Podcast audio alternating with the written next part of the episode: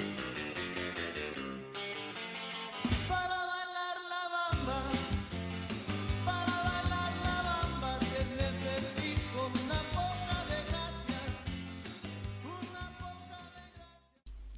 Ni ska vara varmt välkomna till veckans avsnitt av La Liga-podden.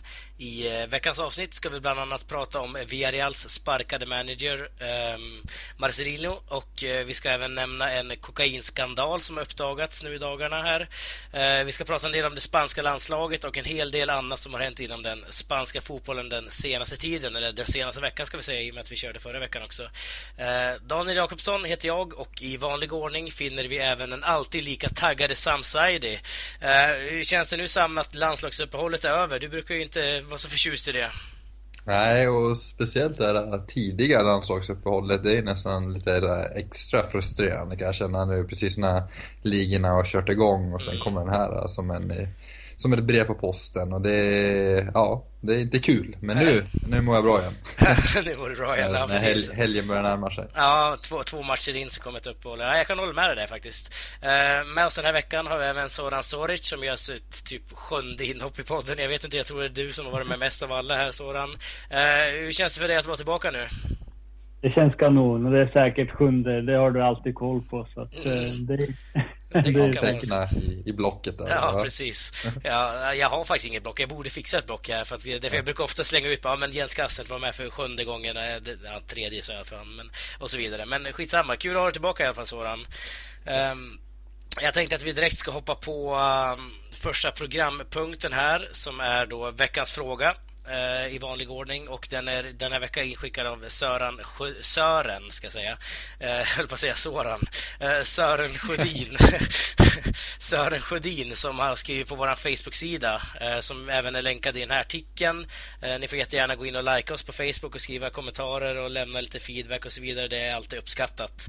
Eh, man har skrivit på vår Facebook-sida och eh, hans fråga lyder i alla fall så här. Eh, har smärtgränsen för att se fotboll live eller på tv nåtts? Vill lagen bara ha slipsnissar på läktarna? Eh, vad säger du om den Sam? Det är lite en kommersiell fråga. Det är, lite, det är inte så inriktat på just spansk fotboll utan mer globalt om jag tänker så. Ja, det, det, är ju en global fråga men eh, Spanien eh, befinner sig ju inte i ett vakuum utan är ju en del av det, globaliseringen och den globala fotbollen. Så att det är klart det, det, det, det når, når Spanien också och det har blivit dyrare fotbollsbiljetter. Eh, det är svårt för den så kallade vanliga människan att, att ta sig eh, till de här matcherna och eh, det, det, är en oroväckande utveckling kan jag tycka som har pågått ganska länge nu. Så att och det gäller ju också eh, när det kommer till TV och eh, att man höjer ofta de här paketprisen, eh, man lockar ofta med så här schyssta erbjudanden i början för att sedan liksom, det blir ganska mycket, så här många avgifter att hålla reda på om man ska följa eh, låt säga Premier League, La Liga, även om de, det är på samma, men låt säga att man följer Allsvenskan också på Kanal Plus än Simor. Eh, så det blir väldigt mycket och jag, jag, jag, kan dela den här frustrationen att det, det, det har nästan gått lite för långt nu eh, och jag tycker man ska snegla lite mot det tyska exemplet eh, som jag tycker ändå är ett föredöme på den fronten. Mm, håller du med Sam om det Soran och även Sören här nu att eh, det kanske smärtgränsen är nådd någonstans? Kan du tycka det också? Ja, alltså sett i, sett i priser och så, så, så tycker jag att, det, att det verkligen, den verkligen är nådd. Jag menar, okej, okay, nu har vi, nu, nu finns vi visserligen Viasat där. Via Play kan man ju köpa och sen har man ju i stort sett alla ligor. I alla fall toppligorna förutom Tyskland. Så det, det är en kanongrej att, att man kan göra det och så kan man lägga ut, jag vet inte vad det kostar, det är väl 400 spänn eller något i den stilen. Och så kan man se alla de ligorna som man är intresserad av. Speciellt om man är väldigt fotbollsintresserad. Uh, att, uh, att det kostar mycket att gå på match, ja det, så, så har det varit under en längre tid och uh, så kommer det fortsätta att vara för att i slutändan så kommer klubbarna bara vilja ha avkastning. Alltså klubbledare, klubb, klubbstyrelse och så vidare kommer bara vilja ha avkastning, kommer bara vilja ha de här TV-pengarna. För i, slut, i slutändan så är det ju TV-pengarna som gör att det, det blir den här extrema hysterin här och det är det som intresserar de här rika ägarna som kommer in och börjar äga massa klubbar. Eh, så att, eh, ja, eh, konsumenter kallar, kallar de oss också nu, supportrar.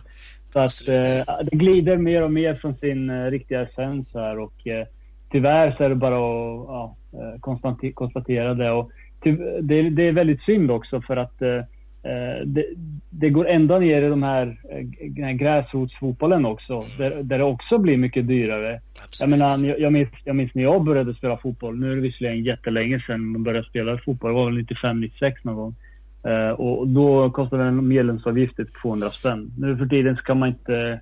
Ja, 2000 spänn kostar det väl minst och sen finns det massa extra avgifter och allt det här det samlas ju på. För att de mindre klubbarna i de mindre divisionerna vill ju också vara med och eh, slåss och utveckla alltså, spelare och eh, det krävs pengar för det också. Eh, det blir en stor, stor, stor eh, negativ effekt på det här allting.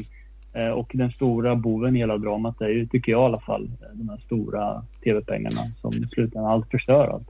Precis, och sen så, jag kommer inte ihåg vem det var, om det var Perez eller Rosell, alltså Perez i Real Madrid och Rosell i Barcelona. Det var, det var någon av dem för några år sedan som sa det här, för då diskuterade de det med eh, biljettpriser och så vidare för att gå på matchen. Och då sa de liksom, vi behöver inte publiken egentligen, vi får så mycket pengar ändå eh, utifrån av sponsorer och tv-intäkter och så vidare. Alltså de behöver inte ens fylla arenan, det kan vara tomt på arenan, går fortfarande jätteplus på en match liksom. Eh, så, så det är klart, det, det skiljer sig väldigt mycket från typ 70-talet säger vi, där det kanske var lite billigare. Eh, med, med biljettpriser. Sen är det en annan grej också att eh, de behöver inte de här lokala supportrarna längre. Eh. Bara titta på Premier League hur det ser ut idag. Det är bara massa inresta supportrar som kommer in och tittar på matcherna. Mm. Jag menar, det spelar ingen stor roll om de förlorar medelklass eller om de förlorar ja, underklass, alltså den, den lägre klassen. Mm. Eh, arbetarklass och så vidare. Så att eh, det kommer in folk, alltså folk reser in, ser matcherna och åker tillbaka. Mm. Det är därför man förlorar i stämning också. Och förhoppningsvis ska vi väl inte göra det i, i de här, ja, i alla fall i Spanien. Men i England så märker man ju att det har, det har gått åt helt fel håll, tyvärr. Ja, jag håller med. Jag kan bara skriva under på det.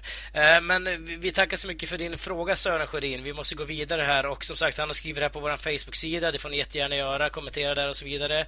Eh, vi har ju även en mejladress, laligapodden.gmail.com dit ni kan skicka era ämnen, frågor och synpunkter och så vidare.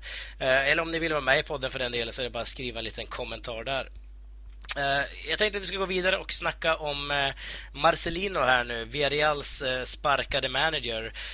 Javier Tebas var ju ute nu som i vanlig ordning, nästan han gillar ju att synas i media. Har ju varit ute och kritiserat Marcelino och även hans fru, ska vi säga där att hans fru efter matchen i fjol, om ni kommer ihåg det, när Sporting Gijon vann med 2-0 mot Villarreal, så twittrade Marcelinos fru ut ”Jab done, trots att de förlorade alltså. Och det betyder även att Sporting Gijon klarar sig kvar där. Eh, och det vart eh, Villarreal Roche, eh, presidenten, eh, lite irriterad på och så vidare och eh, fick sparken i slutändan, Marcelino. Och nu har Tebas alltså varit ute och kritiserat eh, och eh, de säger att de analyserar den här matchen nu ifall det ska vara någon slags, de har inte sagt det ordagrant, men alltså en spelskandal är det väl egentligen man är ute efter här. Ehm, vad tror du om det Sam? Kan, tror du att det kan ligga någonting i det här? Eller tror du att Tebas bara är ute efter något halmstrån som han drar i?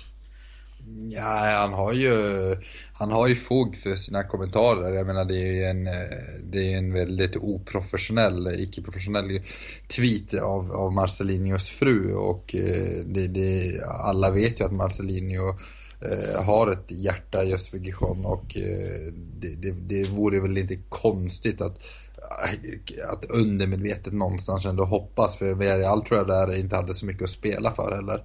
Mm. Eh, Nej, de var klara som fjärde. Ja, de var, precis, de var helt klara och eh, det är klart att eh, det, det, är väldigt svårt att gå in och säga att det var en läggmatch på något sätt. Men sedan är det väl lite som Tebas, eh, jag antar att du har läst i Markartikeln där, att eh, han är inte heller riktigt inne på att det var en läggmatch, men kanske att det var oprofessionellt och, och att eh, inte eh, Villarreal gjorde sitt allra bästa. Eh, och om det ska anses vara liksom mot läggmatchhåll eller spelskandal, det är liksom en, en definitionsfråga och det, det, är svår, det är svårt att fälla för det. Men absolut jätteoprofessionellt. Eh, både från, eh, eller framförallt från hans fru, men eh, också om det verkligen ligger no någonting att, att eh, det fanns eh, något i det Teba säger. Mm, Villarreals president Rocha har ju faktiskt varit ute nu i media också och snackat för första gången om varför Marcelino fick sparken. Eh, och då säger han ju att det delvis är på grund av den här Sport matchen där Villarreal-spelarna uppenbarligen inte var motiverade och så vidare. Eh, vad säger du om hela situationen, Soran? jag tror att läggmatcher för, förekommer. Eh, inte bara i spansk fotboll utan jag tror att det sker lite överallt i, runt om på jordklotet. Grejen är bara att det är så svårt att, eh, det är så svårt att bevisa att det, det är läggmatcher som spelas. Mm. Det är det som är det stora problemet. För du ska, du ska kunna bevisa att det var en läggmatch också. Man kan inte bara gå ut och säga det. Men jag tror att det förekommer och just den här matchen kändes eh, ja, minst sagt som en läggmatch. Eh, Marcelino som, som helst av allt vill ha kvar Sporting Gijon som man har ett stort hjärta för i, ligan. Och eh, Sporting Gijon som slåss för sitt liv. Och jag, jag har sett det flera gånger eh, när klubbar har... Eh, Zaragoza har ju varit inblandade i massa olika eh, den här typen av matcher tidigare. Och i slutet av säsongen och så, och så klarar de sig kvar i allra sista sekunden. Eh, så att, eh, jag, jag, tror att det förekommer, men att det är extremt svårt att bevisa och eh, att det här är en av anledningarna till att Marcelino fick sparken. För Eh, jag tror inte att Villarreal vill smutsa ner sin, sin, sitt märke, sin klubb. Eh, hela, hela, hela, Villarreal är kända för att vara, vara en klubb med väldigt starka värderingar och de står på, på sina egna ben och en välskött förening eh, som har ska, skapat sig namn inom den spanska fotbollen de sista 15 åren är det väl. Eh, så att eh, de vill inte förknippas med det och det förstår jag fullt ut. Sen, sen, sen så självklart så tror jag att sådana här saker definitivt sker och då kan man ju bara gå tillbaka till 2011, eh, 2012 när de själva åkte ur och eh, mer eller mindre sa till Atletico Madrid-spelarna att de inte skulle gå och göra ett mål på, på dem. Att de skulle släppa in ett mål i slutet av matchen. Framförallt Diego Godin där också. Exakt, och Diego Godin blev ju den stora syndabocken i Villarreal-lägret för att han inte gjorde sin, eh, ja vad ska man kalla det, sin, sin skyldighet. Mm. Uh, och uh, ja, du vet ju, ni minns ju själva hur det var ja. i den situationen så att uh, jag tror inte att de vill ha tillbaka den här dåliga stämpeln som, som man hade när man åkte ur där. Nej, precis. Och det, det, man brukar ofta snacka om i Spanien också, framförallt de här sista omgångarna, om de här så kallade portföljerna eh, som ja. någonstans följer med där. Att man kanske, det är ju inte mutning rent av, utan det är snarare en push till ett annat lag att spela bättre. Eh, I det här fallet så kanske inte just den appliceras, men det, det är ofta så man snackar i Spanien annars om portföljer. Eh, men ja, skitsamma. Eh, jag tänkte också nu, jag ser att tiden börjar rinna iväg här, eh, att vi ska hinna med och snacka om den här kokainskandalen som också uppdagats nu ganska nyligen. Eh, det var ju Granadas nyförvärv José Angulo som fick sparken bara någon dag efter han köptes från, ska vi säga, var det Independiente del Valle, kanske man säger. Korrekt. Ja, eh, och den här övergången vart alltså stoppad eh, när han under läkarundersökningen, tror jag, eller om det var klubben Independiente själv som hade meddelat att han hade eh, åkt dit för kokainmissbruk, eller inte missbruk, men åkt dit för kokainintag i alla fall. Ehm, vad betyder den här, den här grejen för själva, alltså Granada, om vi kollar på klubben, Soran? Jag menar, de satsar ändå ganska mycket pengar på Angola. Det är nästan nytt klubbrekord de lägger ut på honom. Ja, och eh, i och med de här tv-pengarna så fick de att slösa det. Alltså, var det fem miljoner euro på en spelare ja. som, som, som ja, åkte fast i den här dopningskontrollen. För det var en dopningskontroll eh, i en Libertadores-match. Eh, tror det var mot Boca Juniors. Han hade alltså gått ut kvällen innan eh, semifinalmötet med Boca Juniors och eh, festat. Jag tror det var i Ecuador. Jag är inte säker på om det var Ecuador eller Argentina. I vilket fall så så säger han själv att eh, någon ska ha stoppat i eh, kokain i hans glas. Eh, ni får själva avgöra trovärdigheten i det, men eh, eh, det ska i alla fall vara i hans försvar. Eh, grejen är ju att det här är inte det första gången det sker också, sker heller i Granada. Vi har ju exemplet med Danny Benitez också som åkte fast för exakt samma sak, kokain, och blev avstängd i två år. Eh, den normala avstängningstiden är ju då två år. Så att han kommer ju bli avstängd med två, två år på grund av att B-provet också eh, visade sig vara positivt. Ja, eh, det är väl inte så mycket att säga om det här egentligen, eller vad säger du Sam? Det är väl ganska rätt att övergången stoppas, att han inte kommer till Granada. Det här är ändå någonting rättsligt i slutändan. Ja, absolut. Och jag tror också Granada får tillbaka hela övergångssumman som man, som man la på, på honom, vad jag har läst i alla fall. Och det är ju väldigt bra för en klubb som kanske i normala fall inte spenderar dessa ohyggliga pengar på spelare utifrån.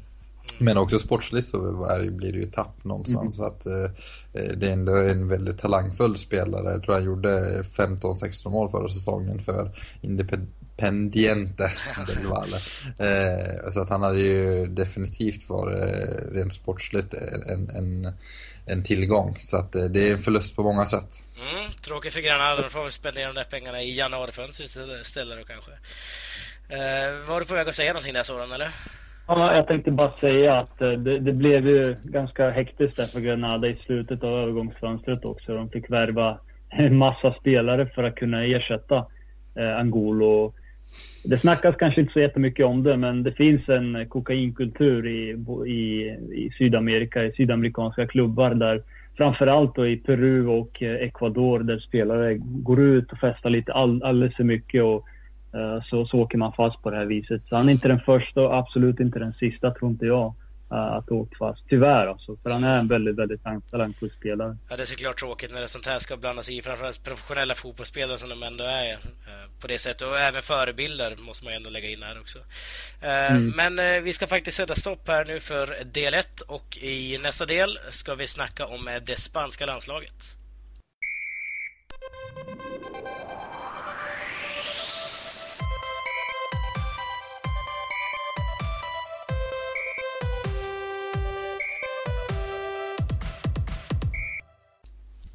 Under landslagsuppehållet har det spanska landslaget spelat två landskamper. Eh, den ena var i en träningslandskamp mot Belgien eh, där Spanien vann med 0-2, båda målen av David Silva. Och eh, den andra hemma i Lyon mot Liechtenstein där La Selección vann med klara 8-0 faktiskt. Om vi kollar på de här två matcherna som spelas Sam, vad har du sett av Spanien egentligen? Eh, ja, jag har sett eh, ganska intressanta intentioner. Jag har sett ett ganska hungrigt Spanien som eh, känns fräscht. Den här eh, växeln, eller speciellt på tränarsidan med Lopetegui skulle det ha skett för länge sedan. Och då kanske det hade blivit Lopetegui i och för sig eftersom han var upptagen då. Men vi kände Del Bosque skulle har lämnat mycket tidigare så att den här effekten kommer ju tyvärr lite för sent men den har kommit nu.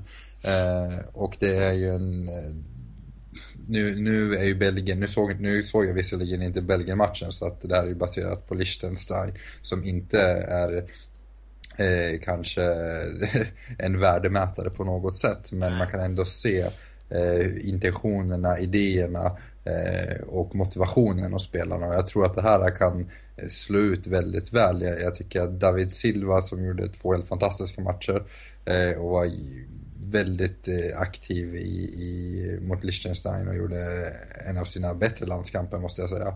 Mm. Eh, och det var väldigt eh, kul att se Diego Costa tillbaka och att han dessutom får näta två gånger är väldigt viktigt för framtiden. Um, och sedan så är jag ju otroligt förtjust i Robert, Sergio Robertos utveckling och att han dessutom får chansen här och dessutom få kröna det med ett mål. Eh, det är också en, en, en, saga på många sätt. Så att, ja, men det, det känns fräscht. Det känns som att det, eh, här har man någonting på gång och någonting man kan bygga vidare på. Och eh, det, det, det, den här generationsväxlingen är väl kanske inte en generationsväxling på det sättet eftersom det är många spelare som nu har varit med väldigt länge. Mm. Men det kan komma lite nytt blod och nya idéer. Ja, eh, om vi kollar på de här två matcherna då Soran. Eh, känns som ett bra test för Spanien, det här nya lagbygget som Sam är inne på. Det är alltså Belgien och Liechtenstein förvisso, men eh, hur ser du på att de, eh, just de här två matcherna och det nya Spanien? Uh, nu såg jag bara Belgien i och med att jag visste att de skulle slå Liechtenstein ganska lätt. det är bra. Jag tar Liechtenstein, du tar Belgien. Nej, men jag, jag, tyckte det såg eh, väldigt bra ut mot Belgien. Förutom kanske första kvarten där, eh, där Belgien var med ganska bra. Och sen slutade de spela av någon anledning och tappade, tappade såväl tempo som så det egna spelet. Spanien, de har ju haft lite problem med de här kontringarna emellanåt eh, när de har ockuperat motståndarnas, motståndarnas straffområde. Och sen har de inte riktigt fått igenom alltså den sista passningen och skapat de här riktigt farliga målchanserna. Det har bara skett typ två, tre gånger per match. Nu tycker jag att man gör det eh, betydligt oftare och jag tycker att man kontrollerar matchen också på ett bättre sätt. Uh, framförallt då uh, tycker jag att det fungerade också väldigt bra med Sergio Roberto på, på högerbacken. Tyckte att han var riktigt bra. Och sen hörde att han kom in där som mittfältare också emot Liechtenstein så att det blev ännu bättre. Jag tror att det kommer bli intressant att se här hur han kommer använda sig av laget. Och, om, man, om man lyckas aktivera Silva, David Silva Eh, och få ut maximalt av honom, vilket jag inte tycker att Spanien har, har fått så här långt. Det kanske varit svårt tidigare i och med att det har funnits så många bra spelare. Eh, så tror jag att Spanien kan göra riktigt bra resultat eh, under det kommande, kommande inte bara VM-kvalet utan VM-slutspelet också. Sen, ska, sen tycker jag framförallt det blir intressant att se om de lägger till en mittfältare centralt eller om de spelar med en ytterforward som exempelvis Nolito. Nolito kan ju användas på en kant är ju, tycker jag, tycker jag Spanien är mycket farligare när de har lite mer bredd i sitt spel och när de har mer genombrottskraft. För att ibland så saknas såväl löpningar som genombrottskraft i, Spanien och det blir för mycket sidledstrillande. Mm. Eh, de har som sagt en ny förbundskapten här så Vicente del Bosco har lämnat efter sommarens någorlunda EM-fiasko får man ändå säga. Man hade lite förväntningar, kanske större än vad det, vad det blev. Eh, och in kom alltså den här Julen Lopetegui, eh, kanske fel uttal av mig, det vet jag inte. Eh, men han har kommit in här nu och tagit över som ny förbundskapten. En ganska okänd tränare i många ögon kanske. Eh, men eh, en gammal ja, Porto-tränare som tränade, hade ju Ike Casillas där i fjol. Bara en sån sak. Men men eh, vem är den här killen, eh, Soran? Har du någon bra koll på Lopetegui? Ja, jag har sett honom. I och med att Atletico har haft väldigt många spelare som har spelat med ungdomslandslagen, U17, U19, U18, U20, U21 och så vidare. Så har jag sett, eh, så har jag sett eh, deras matcher och därmed även tagit intryck av Lopetegi som tränare. Mm. Han är ju han är en ganska modig tränare alltså. Han vill spela eh, det klassiska spanska eh, Barcelona-stuket. Eh, men eh, i hans lag, speciellt de här ungdomslagen, där väldigt många av de här spelarna som har tagits upp eh, i och med den generationsväxlingen som har skett i spanska landslaget. Eh, många av de spelarna känner honom, de förstår hans system och de är ingrodda i systemet. Så att jag tror att det kommer fungera ganska bra här. Eh, och han är ju han är ju också väldigt, han har väldigt starka kopplingar, eh, inte bara till spelarna utan även till förbundet där han har utbildat sig och eh, ja, förutom Real Madrid då som han har varit i deras eh, B-lag och mm. Rayo Vallecano innan då. Rayo körde han ju botten tyvärr, 03-04. Som åkte ner i Segunda B och var där i ett antal säsonger. Men jag tror att han är, han är en väldigt bra teoretiker, en bra tränare när det gäller att förändra för att han vågar förändra. Eh, tyvärr så, så hade han väldigt stora problem i Porto när han blev av med sina stora stjärnor. Eh, Jackson Martinez, Oliver Torres, det var, lite, det var fler spelare som Alexandro också. Alexandro lämnade också. Mm.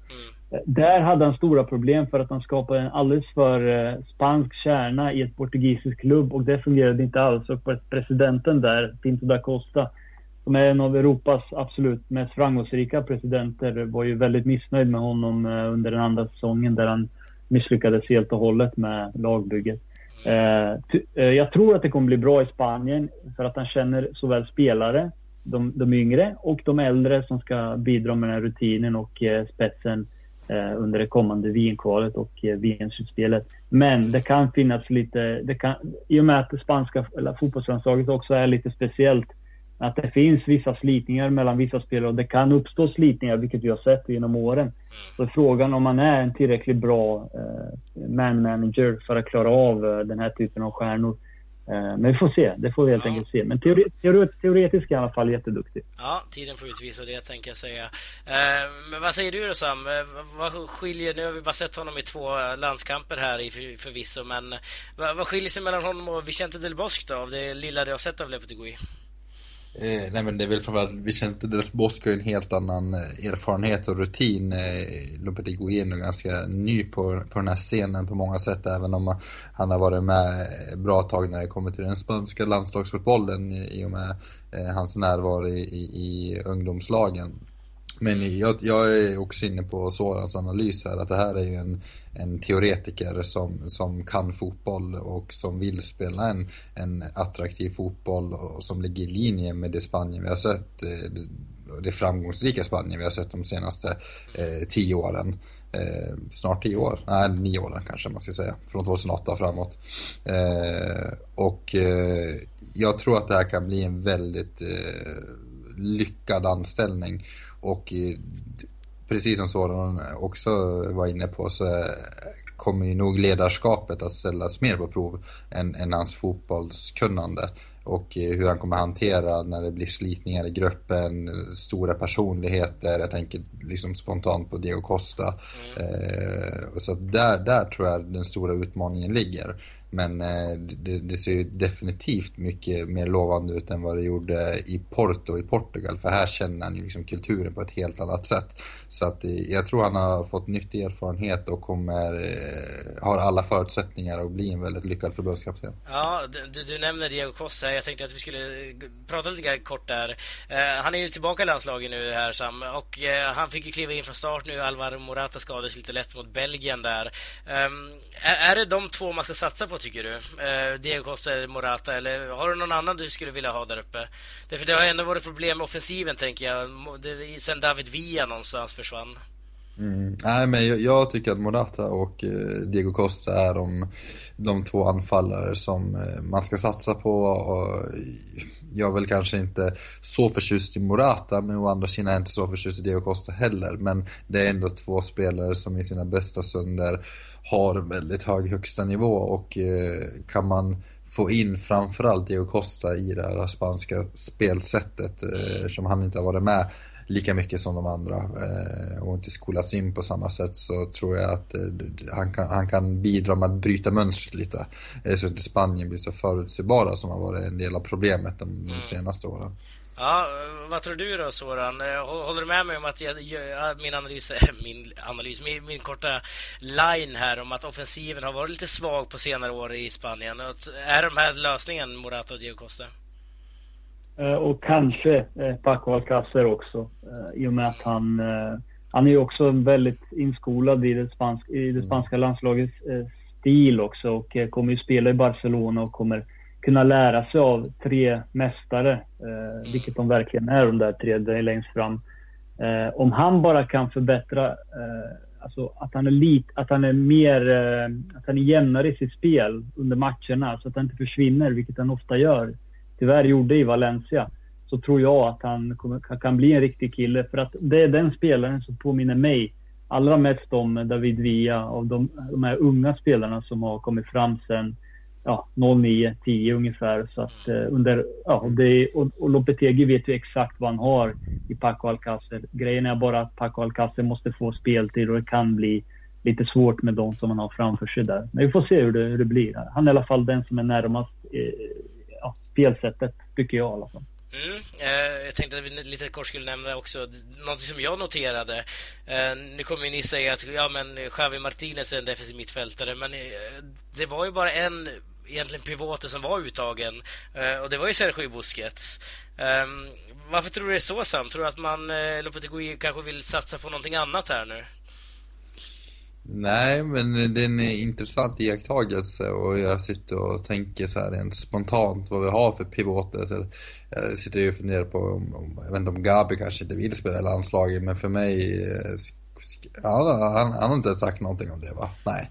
Eh, men en, en, för mig en Gabi i Atletico ska, är, är ju givet kort. Men eh, såklart är eh, Sergio Busquets nummer ett. Men det är väl... Eh, I och för sig ska man också komma ihåg att Thiago Alcantara kan ta den positionen och göra den väldigt bra. Så att, eh, ja, jag skulle nog säga att loppet i, i faktiskt kanske inte prioriterar den positionen på samma sätt eftersom man har backup-spelare redan som kan ersätta Busquets om det skulle behövas. Mm. Har du tänkt på det Soran, det här med att det bara är en egentligen renodlad pivotuttagen? Ja, och eh, det, det enda de Atletico-fansen tänker på är under de senaste fyra åren, det enda de har sagt är varför kommer inte Gabi med? Varför kommer inte Gabi med? Eh, jag tror inte att de vill ha med Gabi på grund av hans ålder och eh, ja, någonstans kanske det, det är förståeligt även om jag själv skulle vilja se honom där. Eh, sen så får vi väl se vem som tar eh, ja, den här rollen efter Busquets. Men eh, för tillfället är Busquets där och Busquets är ju den absolut bästa i sin position så att jag tycker inte det finns särskilt mycket att göra göra åt det. Bruno Soriano möjligtvis att han kommer med nästa gång. Vi får väl se. Han har ju varit lite skadad och är tillbaka nu. Mm, och Busquets är ju sällan skadad också, upplever jag i alla fall. Så att, eh, det, som du säger, ett säkert kort där. Eh, men eh, vi ska faktiskt sätta stopp här för Spanien-delen och när vi är tillbaka ska vi snacka lite grann om bland annat Barcelona och lite vad som hände sista dagen på silly season.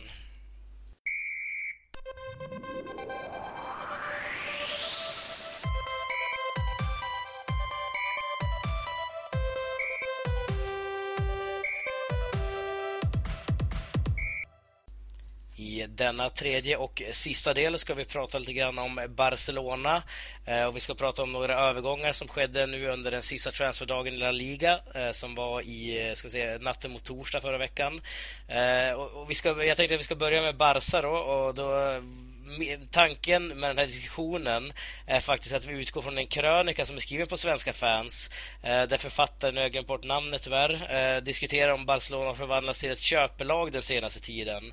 Ehm, vad är din generella uppfattning om det Sam? Har Barcelona förlorat kontakten med La Masia? Eh, nej, jag tycker man ligger väl någonstans eh, på, på, på vanlig nivå nu i jämförelse med många an, andra storklubbar. Eh, man, har, man är storklubbar med dessa resurser lockas ju att köpa de hetaste namnen på marknaden och Barcelona är inget undantag även om man kanske vill framstå som något annat ibland. Mm. Så att det, det, är inget snack om den saken. Sedan så tror jag det snarare har varit att Barcelona har haft oförskämt många och liksom imponerat alltså imponerande många eh, egna talanger för att vara ett sånt stort lag eh, de senaste åren. Jag tänker framförallt 2012 eh, när man hade en hel startelva av La Masia-spelare.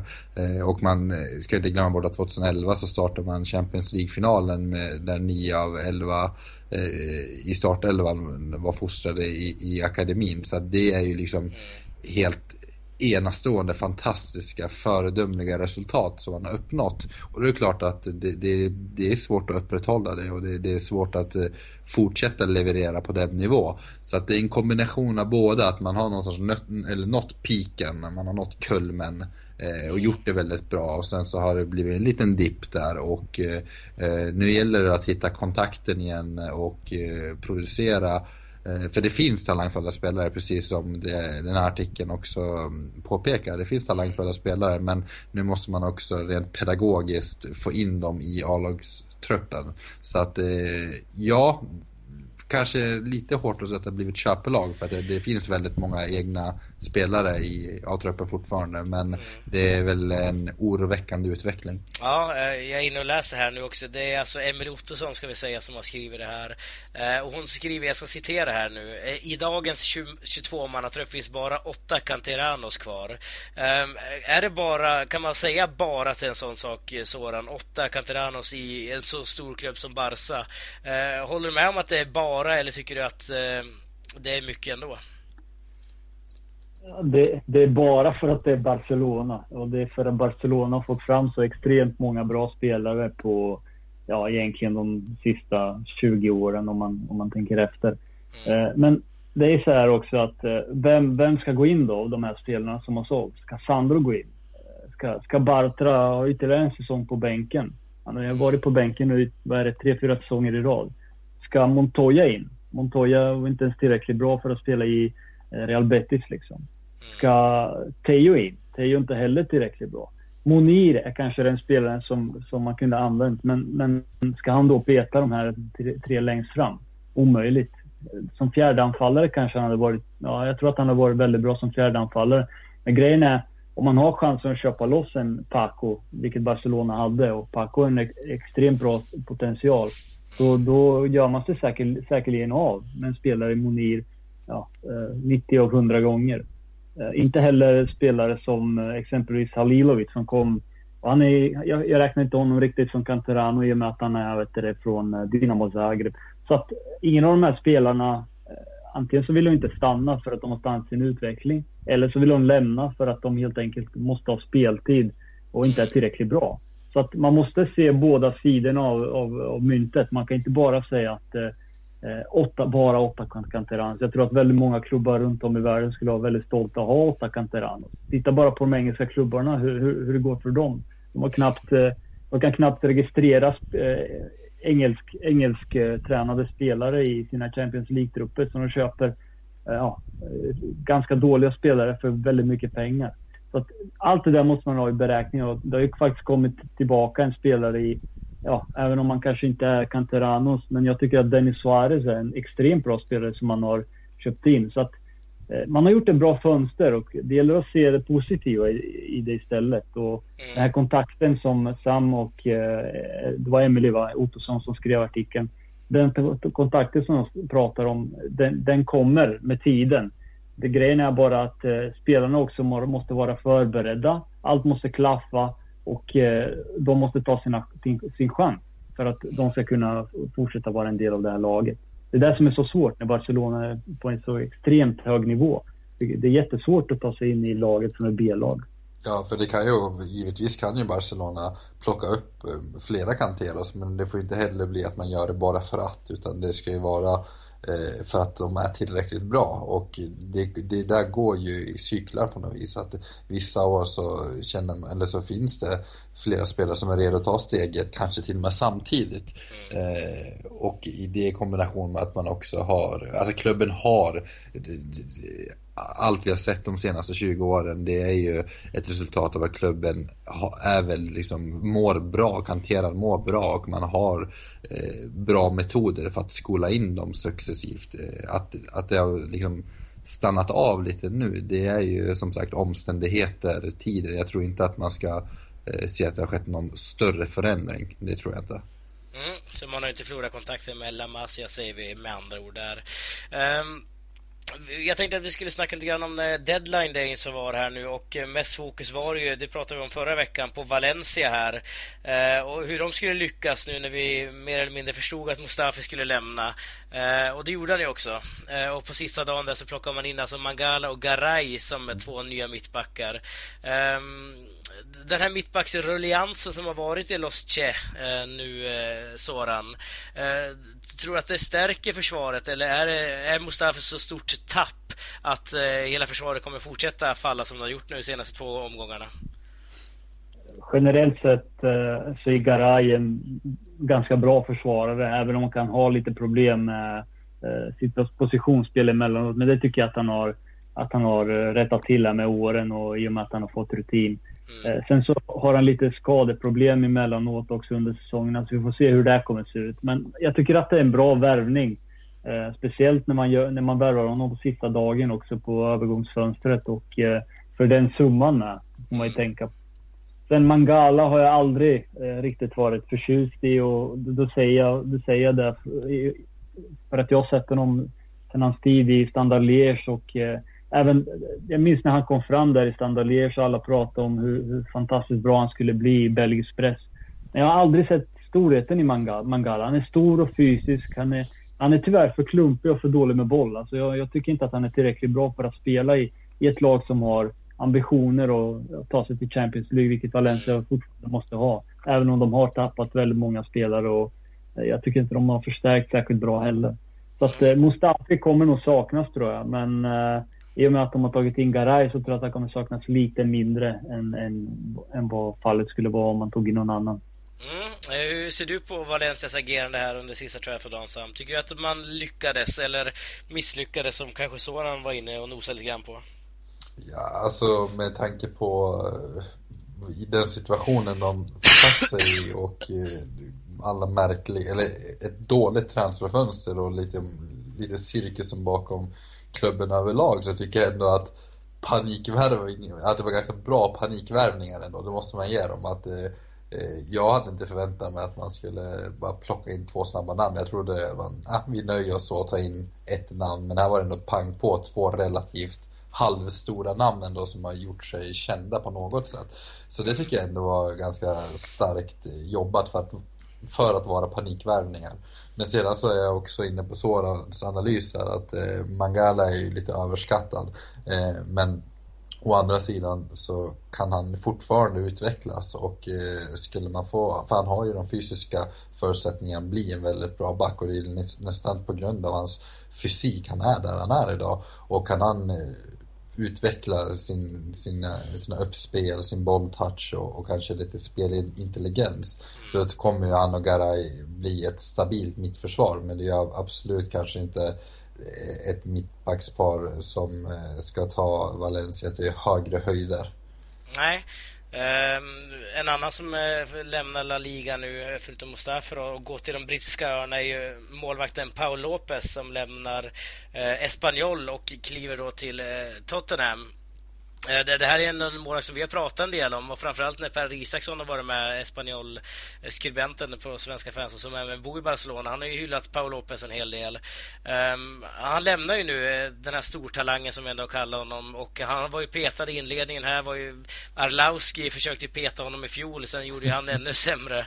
Uh, ska vi komma ihåg, släppte in åtta mål på två matcher eller tre halvlekar eller sånt där.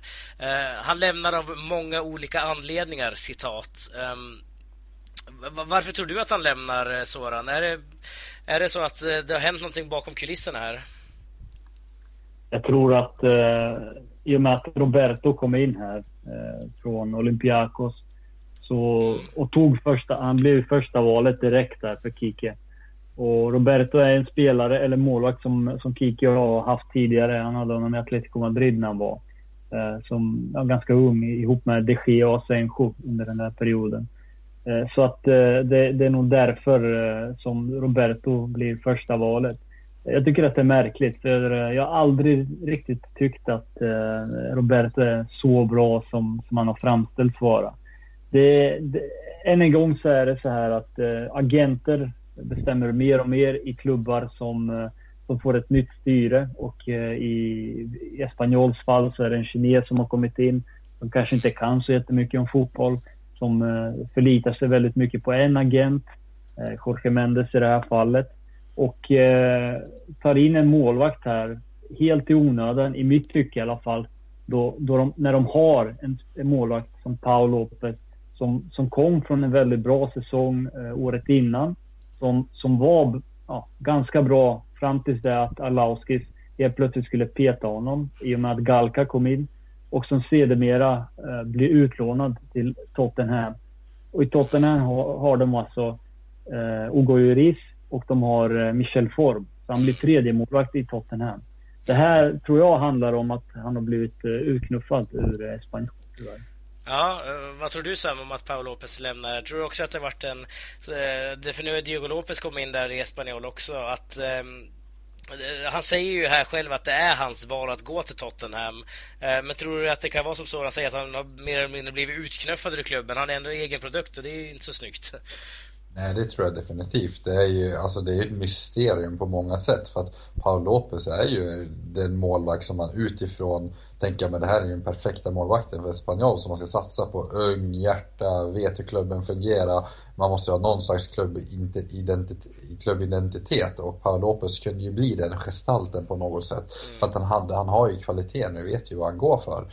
Eh, men här är det ju någonting vi inte vet om, om det kan vara av kvalitetsmässiga skäl, politiska skäl eller liksom eh, maktskäl. Jag vet inte vad det kan vara. Eh, det, det, det, kan vi bara spekulera i men det är någonting som vi inte får ta del av och det, det tyder ju också hans kommentar eller hans uh, uttalande här att det beror på flera anledningar. Det, man vill inte gå in på det specifikt så att jag tror att eh, han mer eller mindre har blivit utskickad. Att det, klart han aldrig skulle välja eh, Tot, bli tredje målvakt i Tottenham men mm. eh, situationen blev väl så pass ohållbar, eh, ohållbar och då, då, då blir det så. Mm, tråkigt, vi tappar ju där en, en prov, kanske blivande profil. Hade han kunnat blivit i ligan om han hade spelat där i några år och eh, fortsatt sin utveckling. Eh, jag tänkte att vi ska fortsätta också. Vi börjar närma oss slutet av programmet här nu och eh, vi brukar alltid tippa veckans match. Eh, och det tänkte jag att vi ska fortsätta att göra. Förra veckan så var det då Spanien-Liechtenstein. En match som vi alla var ganska överens om att Spanien håller nollan och de vinner med en del bollar. Matchen slutade ju 8-0 som vi var inne på i förra delen. Jens Kastner som var med förra veckan tippade 6-0. Eh, du Sam tippade 5-0 och jag tippade 4-0. Ehm, vi får ju alla varsin poäng där, eh, men inte någon fullscore för det var ju ganska svårt att gissa 8-0 eh, i en sån där match. Men den här veckan så tänkte jag att du skulle tippa Celta Vigo mot Atletico Madrid. Soran, du ska inte få börja. Du får köra sist faktiskt tänkte jag. Sam, du får börja. Celta Vigo Atletico jag tror det blir ett kryss. Celta Vigo kommer... Landslagsuppehåll var det. Jag tror Celta Vigo kommer vara... Jag tror de kommer från förlust va, från förra omgången. mm mot det andra Madrid-gänget. Så att, eh, ja, jag tror de kommer kriga till sig ett, ett kryss sent, 1-1. Mm, det här är ändå som eh, lite av en ångestmatch kan man nästan säga. Atletico Madrid som står på två poäng, två kryss. Eh, Celta Vigo med två raka förluster. Eh, jag tror inte Atletico kryssar en match till. Jag tror däremot att Berizzo får det väldigt svettigt eh, i, uppe i Galicien. Även om man gjorde en bra match mot Real Madrid senast. Eh, men jag tror faktiskt 0-1 till Atletico Madrid. Um, vad säger du Soran? Uh, I och med att Oriana är skadad och missar matchen så tror jag att det blir 0-2. 0-2. Mm. Vilka är målen? Uh, det får bli Griezmann och uh, ja, det blir Gameiro i så fall. Mm. Kul att få med båda där. Härligt! Sam, ska du köra din veckolista? Jajamän, och eh, veckans Tokiero har jag varit inne på lite i alla fall och det är ju Sergio Roberto som eh, mer eller mindre var eh, ja, man, man, hade redan gett honom domen som en flopp och det var hårda ord mot den här stackars unga pojken som kom upp från La Masia men vilk, som han har motbevisat honom och det, det är nog ingen slump att Pep Guardiola höll kvar honom. Det var väl någonting han såg som vi andra inte såg och nu ser vi det Pep Guardiola såg. Mm. Så att eh, veckans Okier och Sergi Robertos utveckling kan man väl säga. Ja, och ett litet ja. plus till Guardiola. Du gillar ju delvis plus till honom också. Ja, precis. Får hoppas han utvecklar ändå lite och Silva nu också. Mm. Eh, veckans eh, förbär då? Veckans förbär eh, får gå till landslagsuppehållen överlag. Eh, det är eh, jobbigt måste jag säga. Det förstör helgerna. Så att, du är väldigt bitter på dem. Ja, verkligen. Och jag, jag är inte så förtjust i landslagsfotboll heller överlag. Det ska inte sticka under stolen med så att det är högst subjektivt. Precis mm. som allt annat här. Alltid. Vi är väldigt subjektiva här i podden. Ja. Eh, vad är din subjektiva åsikt Soran på listan som Sam presenterar här? Jag tycker den är helt okej okay, faktiskt. Den här veckan har jag ingenting att invända mot. Nej, ingenting att lägga till heller. Nej, det är inte så mycket heller. Den är faktiskt väldigt bra. Den är väldigt bra. ja, härligt. Eh, men då får vi tacka dig så jättemycket för att du var med den här veckan Soran. Jättekul att vara tillbaka. Absolut. Eh, vill jag väl höras av eh, ganska snart skulle jag gissa. Kanske så lite grann om ditt Atletico Madrid då, vem vet. Ehm, och tack till er som har lyssnat också, dig Sam.